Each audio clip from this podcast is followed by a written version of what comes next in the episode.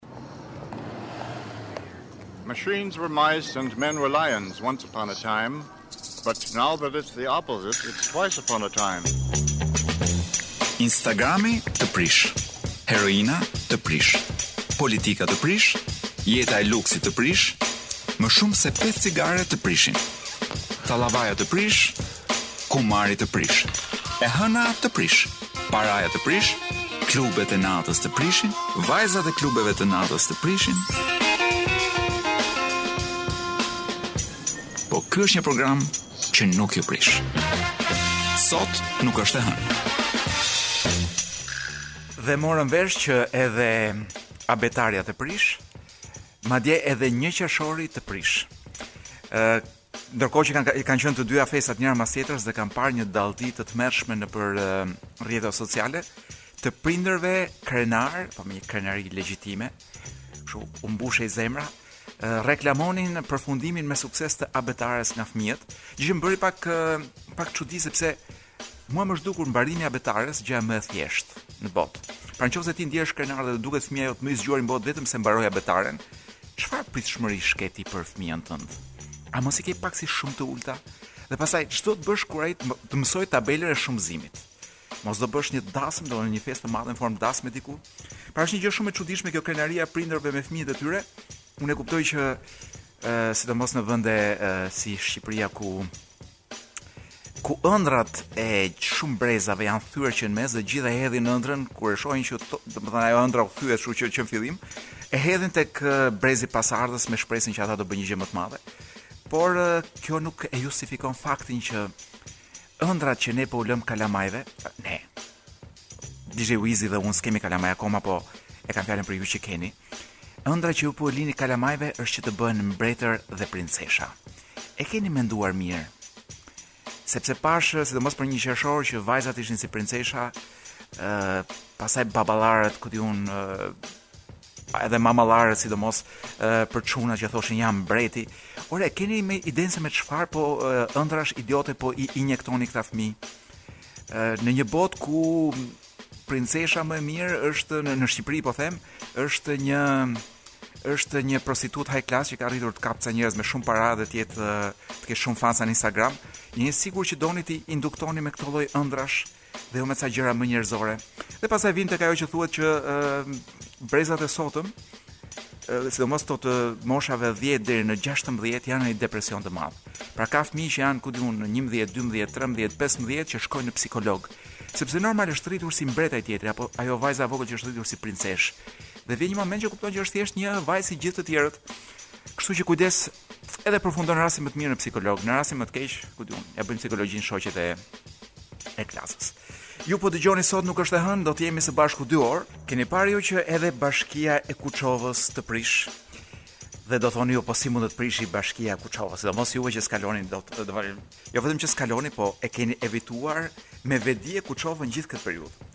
Ë sepse Bashkia e Kuçovës bën nga këto gjërat helmon ambientet publike. ARSA ka nxjerrë në Instagram ca pamje që janë rrëqethëse, janë pamje qensh të helmuar dhe nuk ka gjë më të shëmtuar se kur shef domethënë kafshët që janë pafajshme para se u takon, që janë helmuar thjesht sepse dikush në bashkinë e Kuçovës, ndoshta edhe vetë kryetari i saj Zoti Kreshnik Hajdari, nuk kanë asnjë lloj zgjidhje për qentë e rrugës, përveç se t'i helmojnë duke duke bërë një vepër penale në fund fundit sepse të helmosh ambientet publike është vepër penale. Dhe këtu duken edhe coprat e mishit ku di unë të helmatisur etj etj qentë që përpëliten një tmerr i vërtetë, nuk di ç'të them. Dhe gjitha kjo ndodh sepse ai në Kuçovë ë në mendjen e tij apo në në në filozofinë e tij nuk e kupton që nuk është në Kandahar. Pra nuk e kupton që është afër Europës dhe jo në një vend që po themi ë ka për ligj ligjin taleban. Është shumë kriminale dhe po me siguri është është një nga këta njerëz që kanë fituar zgjedhjet. Dhe këta njerëz që, që kanë fituar zgjedhjet në përgjithësi nuk duan t'ia dinë as për sepse thonë që Një shoqëri njihet nga mënyra se si trajton kafshët. Dhe mënyra se si në Kuçovë janë trajtuar kafshët këto ditë dhe kemi dëgjuar që kjo është një iniciativë e shtrirë nëpër Shqipëri. Në Tiranë doli një raport para ca kohësh që mund të ketë një dy vjet ndoshta, që bashkia i, i vriste qentë e rrugës me me bateri duke duke hedhur acid nga i baterive të makinave një gjë e tillë duke i injektuar nuk e di tmerr tmerr Pra jetojmë realisht në një botë ë që e tregon mizorinë e vet, pra se kush janë në të vërtetë këta që qeverisin, kryesisht te kafshët sepse kafshët nuk bëjnë dot revoltë, kafshët nuk votojnë. Tashi pse vrasin qentë dhe nuk vrasin delet që votojnë? Po, ky që vret qentë edhe delet që votojnë mund t'i vrasë. Kemi hyrë ndërkohë në pjesën e hard news, në sot nuk është e hënë, lajmet e rënda po them e rëndë ndonëse këtu mjafton gjëja që është serioze është dhe automatikisht dhe e rëndë dhe përveç kësaj punës së qenve në në Kuçovë kemi edhe paska rënë ura e Darzezës uh, ura e Darzezës pra janë gjithë lajmet e javës kaluar që kemi mbledhur falë edhe ndihmës së kolegut tim Florenc Zerallari uh, Ura e Darzezës është rrëzuar dhe qenka një urë që para nja 2-3 vjetësh u ndërtua për 18 orë. Pra ne që për të bërë një banjo shpie duam 3 muaj ose ku di unë për një për një lyerje ai do të paktën 10 ditë në një apartament të vogël, ama një urë e paskemi bërë për 18 orë dhe po hap lajmin sepse lajmi është shumë interesant. Vetë ministrja e mbrojtjes së kohës, se nuk e di a është më, zonja Xhaçka i paska siguruar në atë kohë, po themi 2017, banorët e Darzezës, se ura e sapondërtuar është plotësisht e sigurt dhe do të mundësojë lëvizjen e mjeteve të rënda. Këtu tani kemi një keqkuptim e para kur po flasim për gjërat e ushtrisë. Kur ushtria jon bën gjëra të rënda për gjëra të tonazhit të rëndë, nënkupton mushka të tonazhit të rëndë, jo mjete si ky, sepse kanë rënë dy automjete të tonazhit të rëndë. Kështu që ushtria jon, ore DJ Wiz, se ti je shumë i lidhur me çështjet e ushtrisë që kur mçifeshe se mos të merrnin ushtar derisa more vesh që nuk të merr njeri ushtar në këtë vend. Ke dëgjuar ndonjë, dom, ç'ke dëgjuar ndonjë sukses nga ushtria jonë, në, po themi në këto dhjetë vitet e fundit, që thuash ushtria jonë bëri këtë gjë. Për shembull, ku di unë, bëri namin në ato misionet paqeruajtëse. Ku di unë, ke dëgjuar ndonjë ndonjë sukses nga ana e ushtrisë tonë? A për stërvitjen. Mua më duk që suksesi i vërtetë ishte i po më përmend këtë Defenderin që është stërvitja e fundit, që ishte një sukses në fakt i ambasadores amerikane se gjithë çfarë pam ne nga nga stërvitja ishte ambasadorja që shtinte me automatik. E po tashi bëjmë një stërvitje për të për të për të lozur ambasadorja, ky është muhabet tjetër. Por suksese suksese un nuk di të kemi patur. Kështu që tani kur ne nuk presim, kush më gjen një sukses të ushtrisë ton, jap një drek falas. Te Rogneri. që është ambient asnjanës, domethënë, është ja, si jashtë shtetit. Ë uh, ikëm nga ushtria, edhe ne presim don që të bëj ushtria ura. Ë uh, një lajm tjetër po i rënd që janë plagosur dy fëmijë nga shembja e tavanit të pediatrisë, policia ka nisur edhe hetimet. Ke parë ti? Tani unë nuk jam vërtet teknik apo inxhinier ndërtimi, por si me thënë, kam një përshtypje që kur shemben këto tavanet, është sepse nuk u hedhin, çfarë është ajo gjë që nuk u hedhin brenda more DJ Wiz? Nuk u hedhin çik kompetencë brenda. Që është don mbase i hedhin nga këto llaçe ku di un çimento, nuk e di me çfarë i bëjnë, po sikur duhet të hedhësh edhe ca kompetencë brenda. Dhe unë nuk e di këtë kompetencën se në Shqipëri e kemi kompetencën shumë të lirë, unë nuk e kuptoj pse nuk hedhin, do pse pse kursejnë kompetencën në Shqipëri. Sidomos kur bëhet fjalë për vende me fëmijë si puna e pediatrisë. Dhe fjalia policia nis hetimet më rrënqeth. Don sa herë që dëgjoj që policia Shqipëri në Shqipëri ka nisur hetimet, trembem. Se me policinë shqiptare mund dali DJ Wizi fajtor për çdo gjë që ndodh në këtë vend. Sepse është shumë eficiente, kuptohet. Çfarë kemi tjetër? Një lajm i bukur. Nxiste të miturit për të vjedhur biçikletat dhe më pas i shiste në servis. që kanë arrestuar dy në Fier. Këtu tani që të jemi sinqert, kam përshtypjen që nuk ishin biçikleta synimi i tij. Mua kjo më duket më tepër si një iniciativë biznesi, le ta quajmë si investim. Sepse sot këta mësojnë të vjedhin biçikleta, pastaj mas një viti vjedhin motor, pastaj do fillojnë të vjedhin ku di un furgonat e qumshtit, pastaj karroca paraplegjikësh, pastaj ku di un, pastaj bën ministra.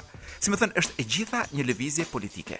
Pra nuk është një nuk është një vjedhje, unë s'e kuptoj dot pse quhet vjedhje biçikletash, është krijimi një partie të re politike. Unë nuk e kuptoj pse pse paska dhe të arrestuar. Por, siç thonë gjithmonë pushtetarët që kapen për korrupsion, ky aksion ka prapavijë politike. Pra ata që kapen duke vjedhur me duar në thes apo me presh ku e mbajnë atë preshin që thonë U kap me a në duar, me presh në duar, më thot DJ Wizi. Ëm, gjithmonë thonë që ka një vi politike mbrapa, kështu që edhe kjo puna e biçikletave në Fier ka vi politike mbaroi ky muhabet.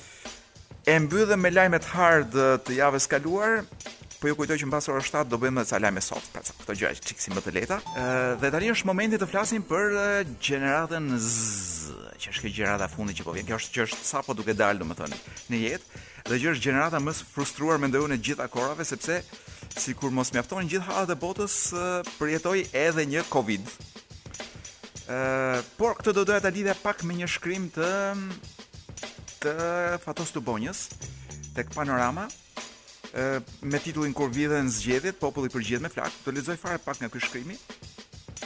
Lubonja rikujton vitin 2016 në Austri, ku u përsëritën zgjedhjet presidenciale për shkak se në dy qendra votimi ndodhën dy gabime, gabime thjesht formale.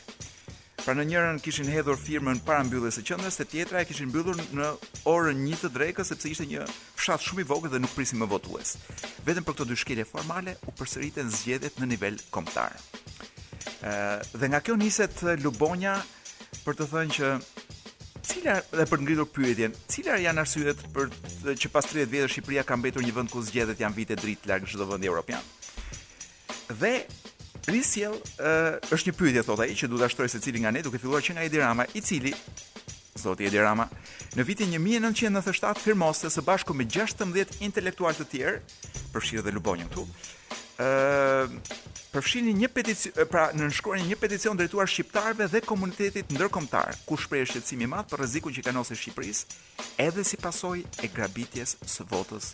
Bëhet fjalë për 96-ën, kur votat në atë kohë grabiteshin nga Sali Berisha dhe në peticion mes të tjerash shkruhej, e ka firmosur dhe Edi Rama këtë. Dhe nuk do të çuditesha ta ketë dhënë vetë idenë e kësaj fjalie ai. Është e pritshme që një popull që nuk e lënë t'i korrigjojë institucionet e pushtetit me votën dhe opozitën e tij, t'i korrigjojë ato me flakë. Dhe pyetja është, pastaj Lubonja këtu ka i ka vënë një titull asaj që ndodh në politikën shqiptare, e quan krimi ndjell krimin, që më pëlqen shumë.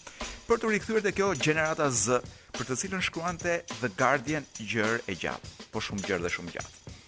Është një gjeneratë e cila Dhe më thënë, pati njerëz që vdishin nga Covid-i, pati shumë që vuajtën, por këta janë ata të cilët ndoshta edhe në qofë se nuk e vuajtën në shëndet, e vuajtën mendërisht. Dhe këto pasojat mendore të Covid-it me sa duket janë çik më të rënda se sa se sa ato të shëndetit që kemi kaluar një pjesë prej nesh.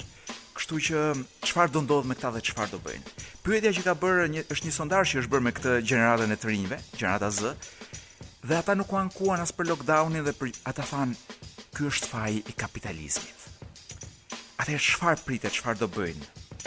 Ë, pra çfarë do ndodh, çfarë pritet nga ky nga ky brez dhe po them brez europian dhe jo brez shqiptarësh, sepse shqiptarët po duken shumë të mpirë me me duke ndjekur Për'puthen për të pasur ndonjë ide se çfarë halli kanë dhe si ta zgjidhin. Duket sikur halli i vetëm i tyre është që të gjejnë burrë. Ë, Por, ndoshta ajo gjë që ndodh në Europë mund ta ndriçojë pak dhe neve. Ë, një nga këto ekologët suedezë, shumë i njohur, Andreas Malm thotë, unë pres sot që të ketë një bolshevizëm të klimës. Pra të ketë një flakë të vërtetë. Dhe ndoshta bota që po vjen, do të ndizet flakë.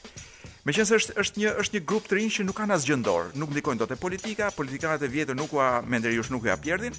ë uh, janë komplet të lënë mas dore dhe janë pa të ardhme. Dhe gjithë paratë po përqendrohen në 10 duar, atëherë çfarë do bëjnë?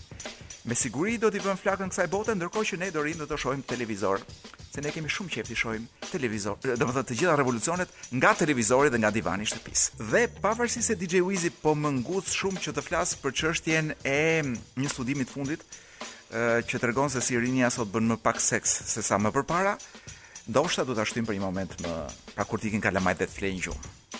Sepse tani do të flasim për librin e javës. Dhe libri i kësaj jave vazhdon të jetë ai i javës së kaluar, uh, libri Një burrë i Oriana Falaçit.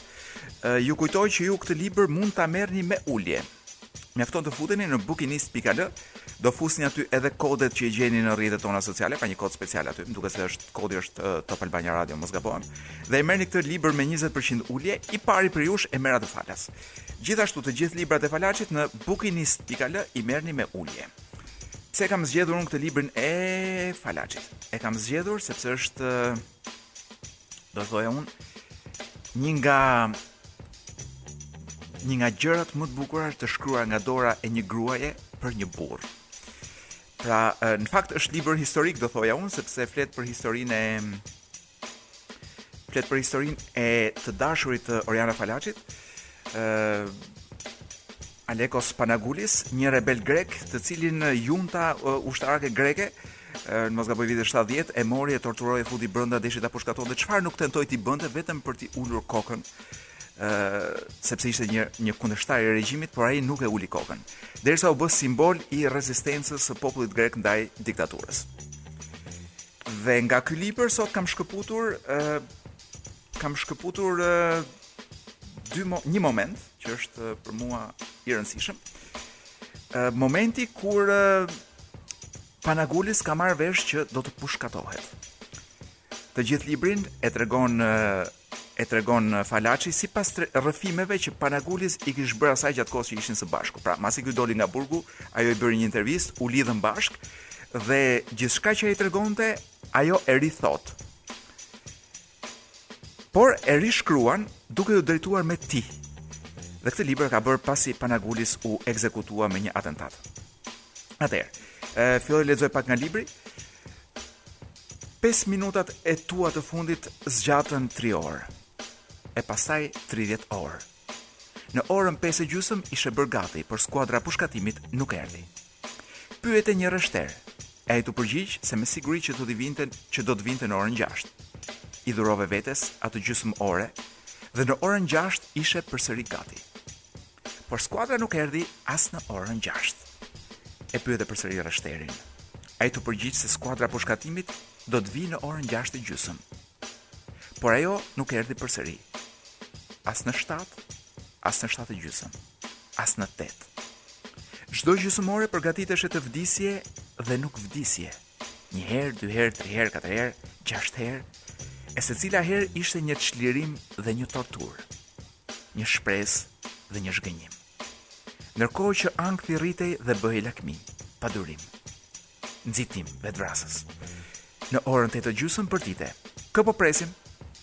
E kur në oborr jehoi një, zhar, një zhargim i pazakontë këmbësh, kur në prag u shfaq një kapiten, i lehtësuar more frymë dhe the. Gati jam. I habitur dhe i acaruar, t'u desh pak kohë për të kuptuar se çfarë po belbëzonte kapiteni. Sot është festa e Shën Mërisë Virgjëreshë dhe nënë në në Greqi e Shën Mërisë Virgjëreshë dhe nënë. Në Greqi nuk pushkatojmë askënd ditën e festës së Shën Mërisë Virgjëreshë dhe nënë, kështu që ekzekutimin e kishin e kishim shtyrë për të nesërmen, më 22 nëntor. Nuk të kishin njoftuar? Jo. Dreqi ta marrë, ç'keqkuptim i neveritshëm, ç'gabim i pamëshirshëm, mos ndoshta ndonjë zemërlig ka dashur të luajë me ty. i heshtur i ktheve shpinën, ndenje gjithë mëngjesin pa folur dhe kurrë s'arrite të më shpjegosh se ç'ndien një njeri që papritur, zbulon se ka ende 24 orë jetë. Jo një gjysmë ore, por 24 orë. 1420 minuta. Një natë dhe një ditë për të menduar, për të marrë frymë, për të ekzistuar. Nëse të pyesja i pasigurt ndiqe një kujtim që mbase të rrëshqiste apo thuajse ishte shuar, sikur agonia dy ta kishte tretur tutje gjithë përçmim. Atëherë më përsërisje fjalinë, Që kishe shqiptuar buzëmbrëmjen e, këtu unë kthej faqen virtuale sepse kam librin në kompjuter. Ku e kam faqen more? Faqen e takimit tonë të parë. Filloi pritja e agimit e gjithçka i ngjau natës së mëparshme. Rifilloi avazi shpirtçjerrës, pesë, pesë e gjysëm, gjashtë, gjashtë e gjysëm, shtatë, shtatë e gjysëm, tetë, tetë e gjysëm, nëntë. Në orën nëntë erdhi përsëri ai oficeri që të kishte sjellë fletën ku duhej të nënshkruaje kërkesën për faljen e jetës, sepse ky, sqaroj unë, nuk nënshkruante një kërkesë për t'ia falur jetën. Ky donte që ata ta pushkatonte, ta pushkatonin për ta bërë me faj juntën. Pra i vjen ky dhe Oficeri dhe duke bërë të njëjtat gjeste, tundi në ajër të njëjtën fletë e me të njëjtin zë të nguctë, të ngucte, nënshkruaje pra, nënshkruaje! Ia kape fletën nga duart e bëre topth! Ia vërvite në fytyrë, iu vërsule dhe e kape nga jaka e uniformës. I poshtër, i ulët, i poshtër. Ti e dije se dje nuk do të më pushkatonin. Unë do të të mbys, i poshtër. Ta hoqën me forcë nga duart e të tjera të tjera. Tani dua t'ju sjell një këngë që e kam zgjedhur kështu më kur thuhet ose natën me qiri ose ku di unë se ç'ka DJ Wizi ca. Po i ka të gjitha shprehje perverse dhe nuk mund t'i përsëris në radio. Ë uh, kam mendova që të risjellim diçka të vjetër, shumë të vjetër. Ë uh, mendoj që një pjesë prej juve që jeni duke më dëgjuar edhe mund të mos keni qenë gjallë në atë kohë. Bëhet fjalë për vitin 78, 1978. Dhe një nga albumet, unë do thoja që është si nga më të nënvlerësuarit e Queen-ve, është albumi Jazz, po që mua çuditërisht më pëlqen shumë. Dhe nga ky album mendova që një këngë, sidomos ia vlen ia vlen për t'u sjellë. Aq më tepër që vetë Queen e kanë pasur shumë qejf e kanë rikthyer nëpër compilation, nëpër greatest hits uh, vazhdimisht dhe me sa di unë në atë kohë pati kapur dhe ca pika kështu, ca ca momente uh, ngjitje në majë të klasifikimeve. Një këngë shumë e mirë, Don't Stop Me Now. Është uh, e kompozuar e tëra nga Freddie Mercury si pjesa më e madhe e e e muzikës së Queen-ve.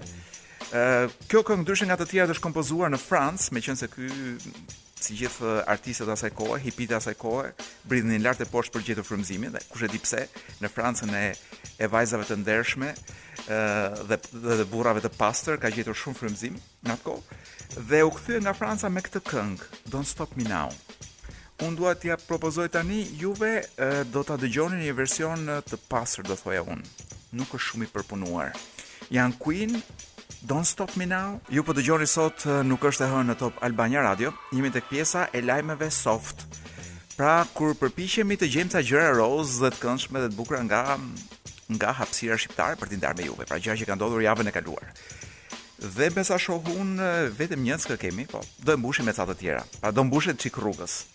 Ë është një ngjarje që gazetat e kanë, pra mediat e kanë raportuar si një çudi, si një gjest të jashtëzakonshëm. Është një zotni burrë në Valbonë i cili ndërton ura, ura, apo kështu.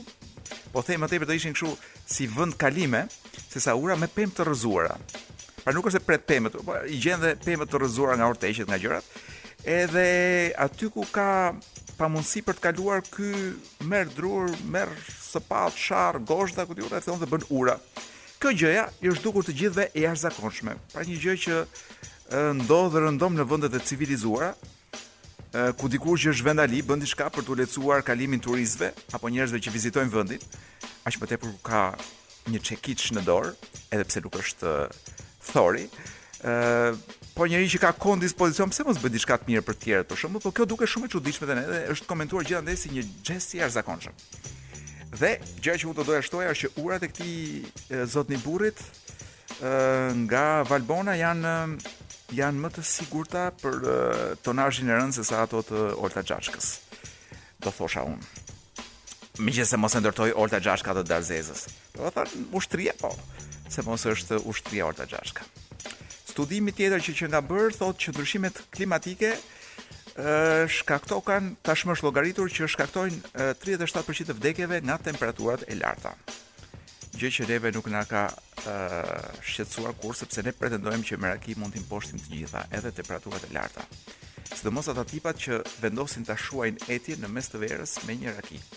Por llogaria që këta kanë bërë është që në qoftë se njerëzit vdesin dhe kanë vdekur gjithmonë nga temperaturat e larta, por rritja dhe një pjesë e këtyre vdekjeve vijnë vetëm për shkak, pra mund të ishin të parandalueshme në qoftë se ne nuk do të kishim ngritur temperaturën falë ndryshimeve të klimës mbi një kuotë të caktuar. Dhe lajmi tjetër që duket shumë si i parëndësishëm, por që është shumë i rëndësishëm, del që shqiptarët po punojnë më gjatë në kohë, por rrezikojnë të kenë pensione më të ulta. Dhe nuk e di. Domethënë, ndrysh, mirë ndryshimet klimaterike, mirë Covid-i, mirë smogu, mirë jeta e kafes, mirë vrasësit me pagesë, Mirë familjarët që s'dihet ku të dalin dhe për një jep truri domethënë i hipën damari dhe të fusin një plumb ose një gjë tjetër ose silenciator siç po dëgjojmë tmerre. Ëm um, Unë nuk besoj që do kem, unë nuk s'kam pse shqetësohem, sepse nuk besoj që do arrij me gjithë këto gjëra, nuk besoj se do arrij dot deri te pensioni. Ë, uh, Le të themi që do isha me shumë fat, po arrita të kap një pension të vetëm, atë të parin. Por për ata të tjerë që për ju pra që mendoni dhe shpresoni që do jetoni gjatë, po ju them që do keni një pension më të vogël. Dhe njerëzit me sa kuptoj unë tani dalin më vonë në pension, pensioni është më i vogël do duhet të punojnë më shumë për atë dhe gjeni se, se nga se vjen gjithë kjo varfëri. Sepse paraja, siç thuhet shpesh, po shkon në 4-5 duar dhe nuk shpërndahet ashtu siç duhet. Po çfarë duhet të bëjmë ne për ta shpërndarë ashtu siç duhet? Ne nuk bëjmë dot asgjë, sepse ne nuk bëjmë dot asgjë dhe për një dramë tjetër të madhe që është thatësira seksuale. Të rinjtë sot bëjnë më pak seks se sa moshatarët e tyre. në një kohë tjetër, pra para 10 vitesh apo para 20 vitesh, dhe sidomos para një 40 vitesh paskësh qenë bërë nami.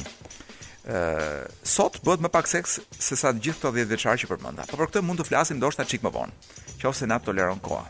Gati 55 vjet më përpara, ë The Time Magazine dilte me një me një kopertinë shumë të famshme, ë bëhet fjalë për vitin 1966, një kopertinë shumë e famshme që ngrinte pyetjen Is God dead? Domethënë, a ka vdekur Zoti? Sigurisht që e ngrinte me një pyetje të të hershme, të ngritur shumë kohë përpara, të bërë të ngritur në kult nga ë si pohim madje nga Nietzsche. Ë, por kjo gjë ja tregoi një që kohërat po ndryshonin. Fakti që kjo gjë ndodhte në një nga revistat më të mëdha të kohës, ë pra që ngrihej kjo pyetje, ishte një një gjë që i ngacmonte, i shqetësonte shumë, sidomos shoqërinë ë konservatore amerikane, shumë fetare, ë njerëz që Kur dëgjuan frazën e John Lennon që thoshte jemi më të famshëm se sa Jezusi, domethënë u shqetësuan dhe madje kërkuan edhe që këta ky grup mos lejohet të hynte në Amerikë, pra jemi në këtë lloj periudhe. Dhe kjo deklaratë një nga revistat më të mëdha amerikane tronditi shumë shpirtra.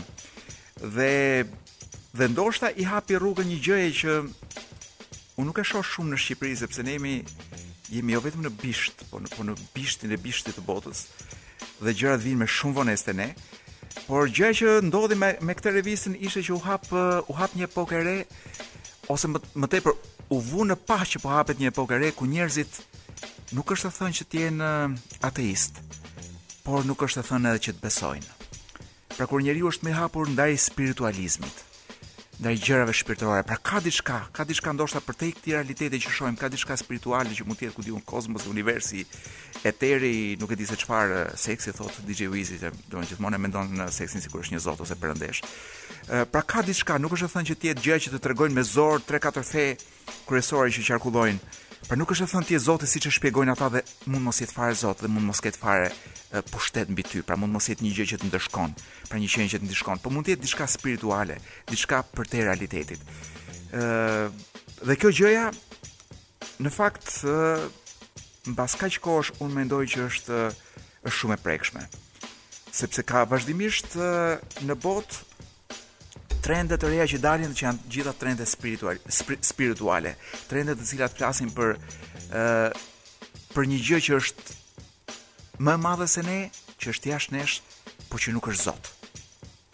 ë uh, dhe një nga këto besime dhe një nga këto trendet flet për shpirtin e tokës. Dhe është nga gjërat më më simpatike që kam dëgjuar në këtë fushë Njerëz të cilët besojnë që toka në fakt është një si biçim zoti po themi, po jo zoti klasik që jemi mësuar apo na kanë mësuar që të vegjël, po diçka e fuqishme, diçka pak a shumë si tek Avatar, komplet filmi Avatarit është ndërtuar mbi këtë koncept, që toka në të vërtetë ka shpirt. Dhe gjithë ato gjëra që i bëjmë, duke filluar që nga ai vaji që ai mekaniku im derdh direkt në dhe dhe futet deri në ujëra poshtë, pra gjithë këto gjëra që i bëjmë tokës, ku di unë gjithë këto gjëra, pyjet që djegim, gjithçka që shkatërrojmë, në fakt i shkakton vetëm vuajtje dhe dhimbje. Dhe u pa gjatë pandemisë që toka mori pak frymë prej nesh. Ë kam parë video për shembull të të leopardëve që futeshin nëpër hotele drerët në mes të qyteteve, sepse njerëzit në fakt ishin zhdukur, s'ishin zhdukur, ishin mbyllur brenda nga frika, dhe ishte një kohë frymarrje edhe për edhe për tokën. Dhe një nga gjërat që thon këta njerëz që besojnë tek toka, ë si diçka e madhe dhe shpirtërore, është ajo të ecurit me këmbë zbathur. Ju me siguri e keni humbur këtë sens, sepse edhe në plazh tani ecim me taka, që të dukemi të gjata, edhe të na shohin meshkujt, edhe të na shohin pulpën, ku di unë atë muskulin që mezi tentojmë të nxjerrim sikur kemi një muskul atë që se kemi në fakt. Ë, uh, por nëse ne ecim zbathur në tokë, dhe sidomos po të ketë pak pra, jo rërë, po edhe rëra bën efektin, po tokë tokë, mundësisht pak bar, pra të ketë pak jetë aty brenda. Ju do dhe të përqendroheni, mbyllni dhe sytë dhe të përqendroheni tek këmbët tuaja. Ndoshta do të ndjeni shpirtin e tokës. kaq mund t'ju them, domethënë më shumë se kaq për një verë që ju pret përpara, sesa t'ju thosha që të ecni zbathur, nuk nuk di se çfarë mund t'ju them tjetër. Në studio kam Blerina Shehun. Përshëndetje, mirë se të gjej, mirë se ju Mirë se na erdhe për këtë për këtë segment që e kemi quajtur Kjo nuk është kohë moderne. Dhe sot nuk është kohë moderne. Dhe nuk kam ardhur vetëm. Pranvera nuk vjen vetëm apo nuk çel me një lule. Do një dallëndyshe që ke këputur kokën? Ju kam sjellë kampionatin evropian të futbollit. Më kishin thënë që do vinte, por nuk e dija që do ta kishin lënë ty barrë. po po. Jua solla ta gëzoni ne uh, si jo tifoze, po flas në emër të vajzave dhe grave. Shiko, a mund ta lësh, a mund ta lësh jashtë jashtë kësaj, jashtë këtij grupimi, a mund ta lësh jashtë uh, vjerrën time që është një tifoze e tërbuar? dhe nuk pranon të bashkohet me turmën e grave që gëzon kur është. Por pse gëzojnë gratë kur vjen europiani një herë? Lum bashkëshorti që do të shohin të treja ndeshjet në ditë së bashku, bëjnë edhe atë postin pastaj që Mos vënë dhe koment... baste them unë, ka fikur qeveria me këtë punën e basteve që ua ka hequr ti. Komentojnë. S'i ka hequr, i ka çuar çik më lart, domethënë i hoqi nga lagjet e varfra dhe i çoi në lagjet e pasura. Në po fakt unë kot flas edhe mami ime, po ta mendoj, është një tifoze e zjarrtë. Nuk ka ndonjë skuadër të preferuar, po bëhet me më të fortin me... gjithmonë. A më të fortin, se gratë kanë, un kisha idenë që kanë këtë tendencë që bëhen ose me atë që vishet më jo, jo. bukur, jo. ose me atë që kanë një në një çun simpatik, thotë sa i mirë qenka ky, unë me këta po bëhem. Jo, mami ime uh, bëhet me më të fortin. Po mirë. Me ata që fitojnë gjithmonë. Ata gjithmonë luajnë më bukur se skuadra tjetër në fakt. Pra bëhet gjithmonë në minutën 90 vendos me kë do bëhet. Jo, e shef kështu e nuhat lojën se ka një lloj kështu nuhatje dhe kupton nga do të shkojë fitorja. Ç'më the? Un kam kuptuar që gratë kanë qejf ta kenë ndeshjen, kështu ndonjëherë t'i hedhin një sy, por nuk mund, do pra nuk bëhet fjalë që të ta ndjekin me pasion shumë të madh. Ndoshta për të sharë burrat, mund të jetë kjo një arsye. Mund të jetë un un nga kam njohur shumë gra që kur vinte europiani apo botërori kishin një si lloj gëzimi. Mhm. Po ishte koha kur ndeshjet shiheshin në lokal dhe ishte gëzimi që shyqyr po ikën. Shko me shokët, dil, ik, largohu nga, të rrini një çik vetëm. Po mirë, tani mund të jetë e kundërta, i lënë burrat në shtëpi dhe dalin vetë me shoqet. Po, edhe edhe mund të jetë, se tani është dhe falas më duket, ku di unë e jep, ku di unë e jep RTSH-ja. Të dalësh nga shtëpia. Europiani do të. Jo, është falas ta shohësh, ah, okay. pra nuk ke nevojë shkosh të paguash birra e gjëra për ta parë shumë në në peti. Nuk e kam këtë info. S'e di mirë, po kështu kam përshtypjen dhe unë. Po. Por ama kam njohur një burrë që i pëlqente shumë europiani. I cili? Dhe, dhe jo për arsyen që u pëlqen gjithë burrave. Sepse ky ishte pak nga këta njerëzit pak i përdalë dhe gjithmonë ngatërrohej me gratë të tjerëve. Dhe ardhja e europianit dhe dhe dhe kishte orare të vetëm pra, në shtëpi, ëh. Ky dinte, po i gjente vetëm në shtëpi dhe diheshin orare dhe ky kishte pyetur për kalendarin e ndeshjeve dhe kishte të ndara. Sot jam filan vend, Kishte kështu me lagje apo me qytete. ka pasur realisht një konflikt. ka pasur realisht një konflikt, uh, sepse qëlloi një ndeshje dhe më duket se ishte si biçim finale dhe ky llogariti që do rrihej gjatë dhe do festohej më mbrapa, kur burri duket u acarua dhe më duket ka qenë Brazil Gjermani ku Brazili u rrah me nja ku di unë me nja 300 me 0. Ë uh, dhe u mor dhe i shoqi e kish lënë ndeshjen se ishte me Brazilin, Ishte, do ishte shqetësuar shumë dhe nuk kishte vendosur mos e shihte deri në fund dhe erdhi para kohe në shtëpi. Dhe kam idenë që nga ajo kohë ai ka hequr dorë nga koordinimi i dashurive të veta me me me skedulin e ndeshjeve. Kuptoj, është akoma mes nesh? Është, është. Burrat shqiptarë nuk të bëjnë i bërtasin gruas, po jo kurra ti ti ti burrit panjohur. Po më duket se nuk u kap, nuk u kap. Kush është Di Martino nga këta? Janë të dy të dy. Besoj. Po është nga çiftet më simpatike të të muzikës, të muzikës italiane të fundit, domethënë. Edhe është çift burrash ndër tjera. Unë me Kolon jemi një çift radiofonik. Unë nuk jam Kolo dhe Kolo nuk është Blerina dhe jemi në sot nuk është e hënë. Kjo është e kuptueshme. Përpiqem ta trash zërin dhe më shumë që të të kuptohet që ne jemi po themi në dy anë të të, të kundërta të kësaj tavoline për të diskutuar një temë e cila na ka kjo temë na ka pozicionuar kështu. E vërtetë, e vërtetë. Mua më pëlqen shumë sepse vij çdo javë me një valixhe plot me rregulla se si duhet të kemi marrëdhëniet tona më të shëndetshme, sepse në fund të fundit Kolo njeriu në jetën e tij do të çiftëzohet. Po. Ë? Po. Pra qëllimi i jetës është të çiftëzohesh. Po, ja, Këtë bën DJ Wizy. Qëllimi i tij është të çiftëzohet. Dhe mbasi çiftëzohet thotë, hajt ta fillojmë jetën nga e para. Dhe kërkon një çiftëzim tjetër. Eksakt. Tani... Por nuk është nuk është tradita shqiptare kjo do thoja. Kjo që e bën DJ Wizy. Jo, është moderne ai. Po, po, më duket shumë, uh, unë s'e kuptoj dot mirë. Avantgard. Shumë, tamam. As fjalën avantgard, nuk nuk nuk di ta shqiptoj mirë, sepse është një gjë e pakuptueshme për shumë nga shqiptarët. Po shikoj, di çfarë do tani. Ç'është ky burrë që do shumë gra. Do shumë gra, shumë jetë. E di pse? Kam përshtypjen që uh, DJ Wizi nuk ka gjetur akoma atë vajzën e sinqert, atë vajzën që sillet ashtu sikurse mendon, ose mendon siç sillet, dhe nuk bën të kundërtën e gjërave që mendon. Uh, e ka gjetur më të keqen, po ishte shumë tap për ta kuptuar që ajo ishte vërtet e sinqert në atë moment. Okej, okay, e lëmë edhe këtë. Uh, Tani, do, nuk do të flasim për DJ Wizi. Nuk desha të tap, ishte thjesht në, në një botë tjetër. Okej. Okay. Ideja është këtu, i dashur Kolo që mes shumë rregullave ë për një çiftëzim sa më funksional, ekzistojnë disa që ne kemi shkëputur dhe duam t'ua sjellim kryesisht vajzave sot. Flasim shpesh për burrat, po sot do të flasim për gratë dhe vajzat. Ato që shpesh herë gabojnë sjelljen dhe approachin me një burrë. Sepse nisen, si me thënë, për një gjë, edhe edhe da... edhe da, i del një gjë tjetër. Dhe u del rrugës një gjë tjetër. Do thoya që nisen për në bazë të disa miteve që tashmë qarkullojnë prej disa dekadash, që burrat kanë disa preferenca të caktuara. Për shembull, gratë shpesh herë mendojnë që duke bërë si të vështira, si të pakapshme, si të paarritshme, do ta bëjnë më kollaj për vete një burrë. le të specifikojmë kryesisht vajzat e reja dhe të papërvojë. Se ato që janë po themi në moshë të pjekur 70, 80, 90, e kanë e dinë si funksionon bota dhe nuk bëjnë fare si të vështira. Nuk bëjnë rezistencë. Më duhet të them që ky është ky është një nga një problem shumë i madh, sidomos në kohët e sotme. Mm -hmm. Në kohët e sotme kur mundësitë janë shumë të mëdha, ku kontaktet vëmendja është e shpërqendruar, pra njeriu nuk ka kohë më të përqendrohet për shumë gjatë në një vend, ë një vajzë që bën si shumë e vështirë, më shumë se sa duhet të lodh.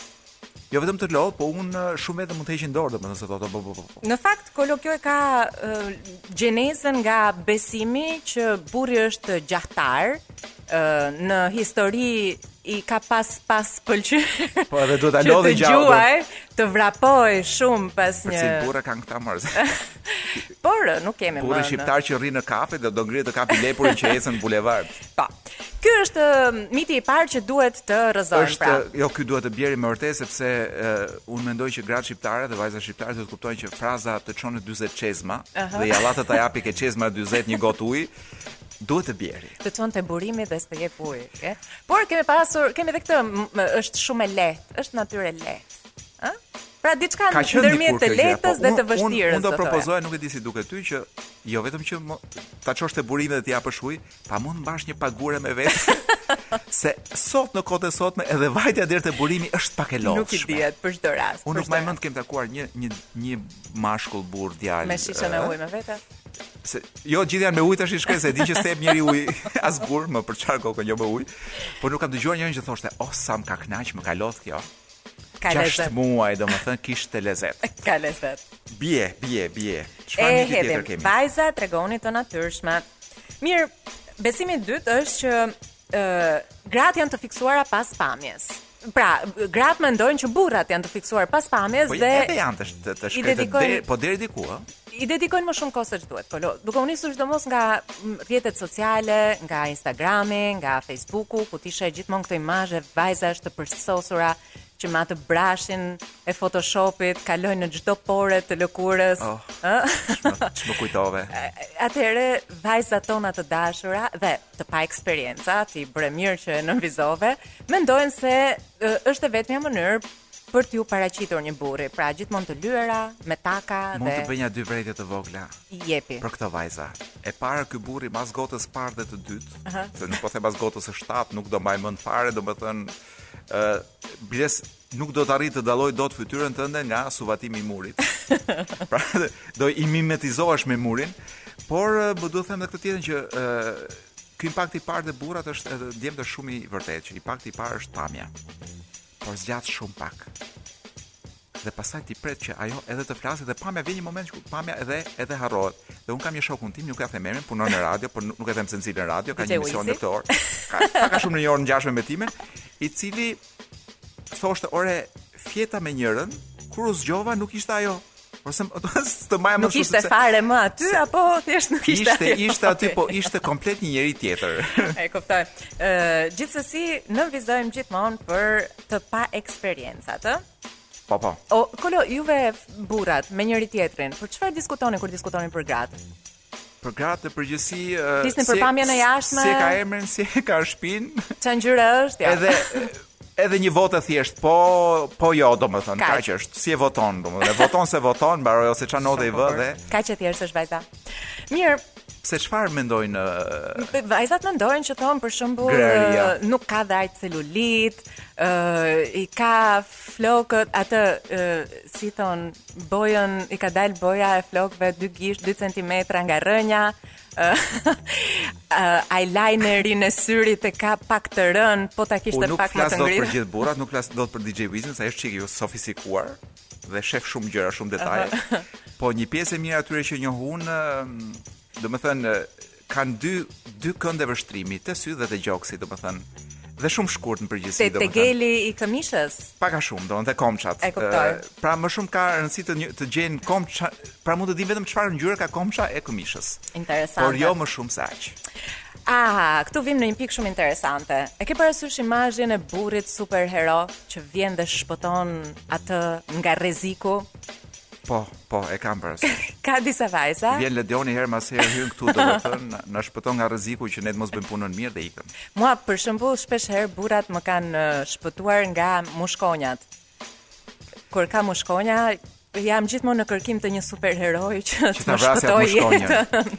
Ti je ti qenke qenke me pak pretendime, qenke me shumë pretendime do thoja unë sepse Shumica e grave me sa di unë kanë një pretendim të vogël, ore ti miun që na ka hyrë, miun e ngordhur që solli macja poshtë krevatit a e heq dot. Edhe burrat e sotëm presin që ta heqin sepse kështu si kanë ardhur kohët.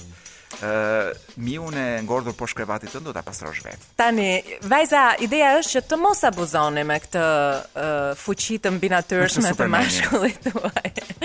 meshkujt e sotëm uh, deri diku Po deri diku. Ore një fije e hollë i ndan ata nga përgjigja shko moj gocë. Vetëm vetëm për të të rregulluar makinën qameti dhe jo vet. Por njohin dikë që mund ta rregullojë makinën kur t'është prishur. Mos pretendoni më shumë nga këta meshkuj që shpëtojnë. Jo vetëm që nuk është e hënë, po sot nuk është as kohë moderne, përderisa kam Blerina Shehun të ftuar në studio dhe po diskutojmë për gjëra të mëdha. Përshëndetje edhe një herë të gjithëve që na dëgjojnë, sidomos vajzave, për të cilat sot kemi ardhur me një valixhe me këshilla se si të mos gabojnë dhe të ndjekin ato mitet që uh, në histori kanë bërë që të merren vendime të gabuara lidhur me përzgjedhjen e partnerit. Pra duke u sjell në një mënyrë të caktuar, sipas gojëdhënave, ne mendojmë që jemi duke tërhequr një mashkull të caktuar, ndërkohë që thjesht po i largojmë. Pala tjetër thotë jemi shumë më të thjeshtë se sa aq, pra nuk jemi aq të komplikuar. Kaq e thjeshtë është. Tani, pasi thamë disa nga këto mite do të rrëzojmë tani mitin e sjelljes së vajzave që bëjnë sikur kanë një varg me burra që i miklojnë duke menduar që kjo do të nxisë konkurrencën në mendjen e partnerit dhe rrjedhimisht do të do të nxisë performancën e tij kundrejt saj, ë? Më duhet të sqaroj që Edhe sikur kjo të ketë të ketë një tufë me burra që po e miklojnë, të jetë e sigurt që edhe ky burri ka një tufë me burra që po e miklojnë për të shkuar për të pirë, për të parë ndeshje, për të vajtur ku di unë për jashtë shtetit nëpër lagje me me drita të kuqe etj etj. Dhe ideja është që ky kjo sjellje do të ishte kundërproduktive në dy aspekte. E para ose ju do të tërhiqnit pas vetes burrin e gabuar, atë që i apasionuar pas sfidave për të fituar, por jo pas jush, ose do të largoni personazhin në fjalë sepse burrat duhet të thënë që kanë edhe një ego goxha të brishtë. E kanë. Nuk ka, duan gjithmonë ta vënë në provë. Nuk e din ku e kanë. Kur e gjen ku e kanë u thyet nëpër duar. Edhe nuk nuk duan ta testojnë, edhe kështu që heqin dorë pa e nisur akoma. Thon, "Ok, meqense ti qenke me ata shokët e tu sot." Sepse nuk funksionon si me garat e kuajve ku siç kam dëgjuar kuajt, domethënë një kal kur shef që edhe kuajt e tjerë po shkojnë një drejtim i jep vrapit më shumë sepse ashtu e ka kali, domethënë është një lloj gare. Uh -huh. Burrat e sotëm janë gjithnjë e më pak si kuaj. Dhe gjithnjë më shumë si? Dhe ti ke gjithmonë tendencë, ore, sa qenkan këtu 10 kuaj të tjerë për këtë trofeu, domethënë për këtë vajzën? Uh -huh. Po sikur të rri të pi një kafe me shokët dhe të mos lodhem kaq shumë. Pra, gjithmonë vim tek baza që është të mos lodhurit. Eksakt. Pra burrat e sotëm janë kaq dembelë saqë kur ti thua që janë edhe 10 të tjerë ose qoftë dhe një tjetër që është në konkurrencë. E lëshojnë garën kollaj. Po. Pse të futem kot? Pse të lodhem? Pse ta mërzis atë tjetrin? Shiko, sidomos. T'i bukën nga goja. Kur kjo nuk është e vërtetë, se ndoshta mund të jetë e vërtetë që ti ke vërtet 10 kuaj të tjerë. Apo sidomos kur ti kishe 10 vjet që nuk kishe asnjë njeri që të interesohej për ty. Eksakt. Dhe kur të interesohet i pari, ti bën sikur ke nja 100. E mira do ishte në këtë rast të thonit që shiko, ndoshta po të kishte pasur dhe një tjetër, unë do ta kisha menduar dy herë të dilnim bashkë, por meqense je i vetmi, atëherë po vij të pi një kafe me ty sot. Ishte shumë e gjatë për ta mbajtur mend Blerina. Thjesht mos e bëni këtë gjë. E parafundit është që shpeshherë gratë mendojnë se po të thonë gjithmonë po, do t'i pëlqejnë gjithnjë më shumë partnerit. Pra kjo teoria e gruas për shtëpi, ajo që është një, një që rri urtë në shtëpi që është. Do po të dalim po, do të rrim shtëpi po. Na ke bërë për të ngrënë? Po. po. e un mendoj që burrat në fakt po të ishte për një femër që është gjithë për një për një vajzë ose grua që është gjithë kohën po po po edhe t'i plotëson çdo dëshirë, është ndoshta një qen e bën më mirë punën. Domethënë pse duhet lodhesh me një të marrësh një njeri që është që sillet si një qen, një qen nuk është për gatuar, mos u bëj ë një njeri pa pa identitetin e vet, pa integritetin. Ça race. Labrador. aty te labradorët jam unë i shkreti. Po desha thosha që e, kjo është një mungesë totale integriteti dhe burrat sado budallenj të jenë dhe të duken.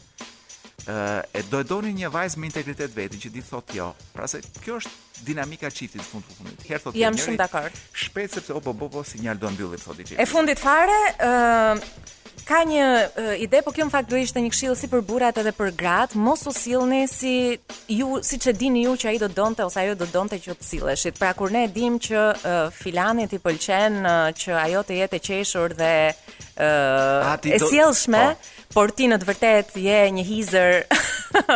ose kur ke dëgjuar që atij i pëlqejnë femrat e gjata dhe ti vesh një po. gjë Jo, u hap ato, kur ti paraqet ponchet.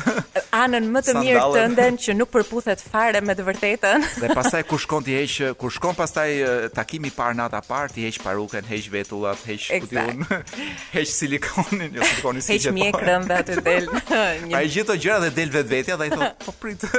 Eksakt. Këto ishin këshillat për një jetë më të lumtur në çift. Po s'i ndoqët në qafë paçi veten. Lerina, të falenderoj shumë. Edhe të përshëndes me një me një këngë kështu. Me një këngë e vjetër po e mirë. Sa më e vjetër, aq më e mirë. Old but gold. Muse New Born në Top Albania Radio, ridëgjohemi mbas një jave.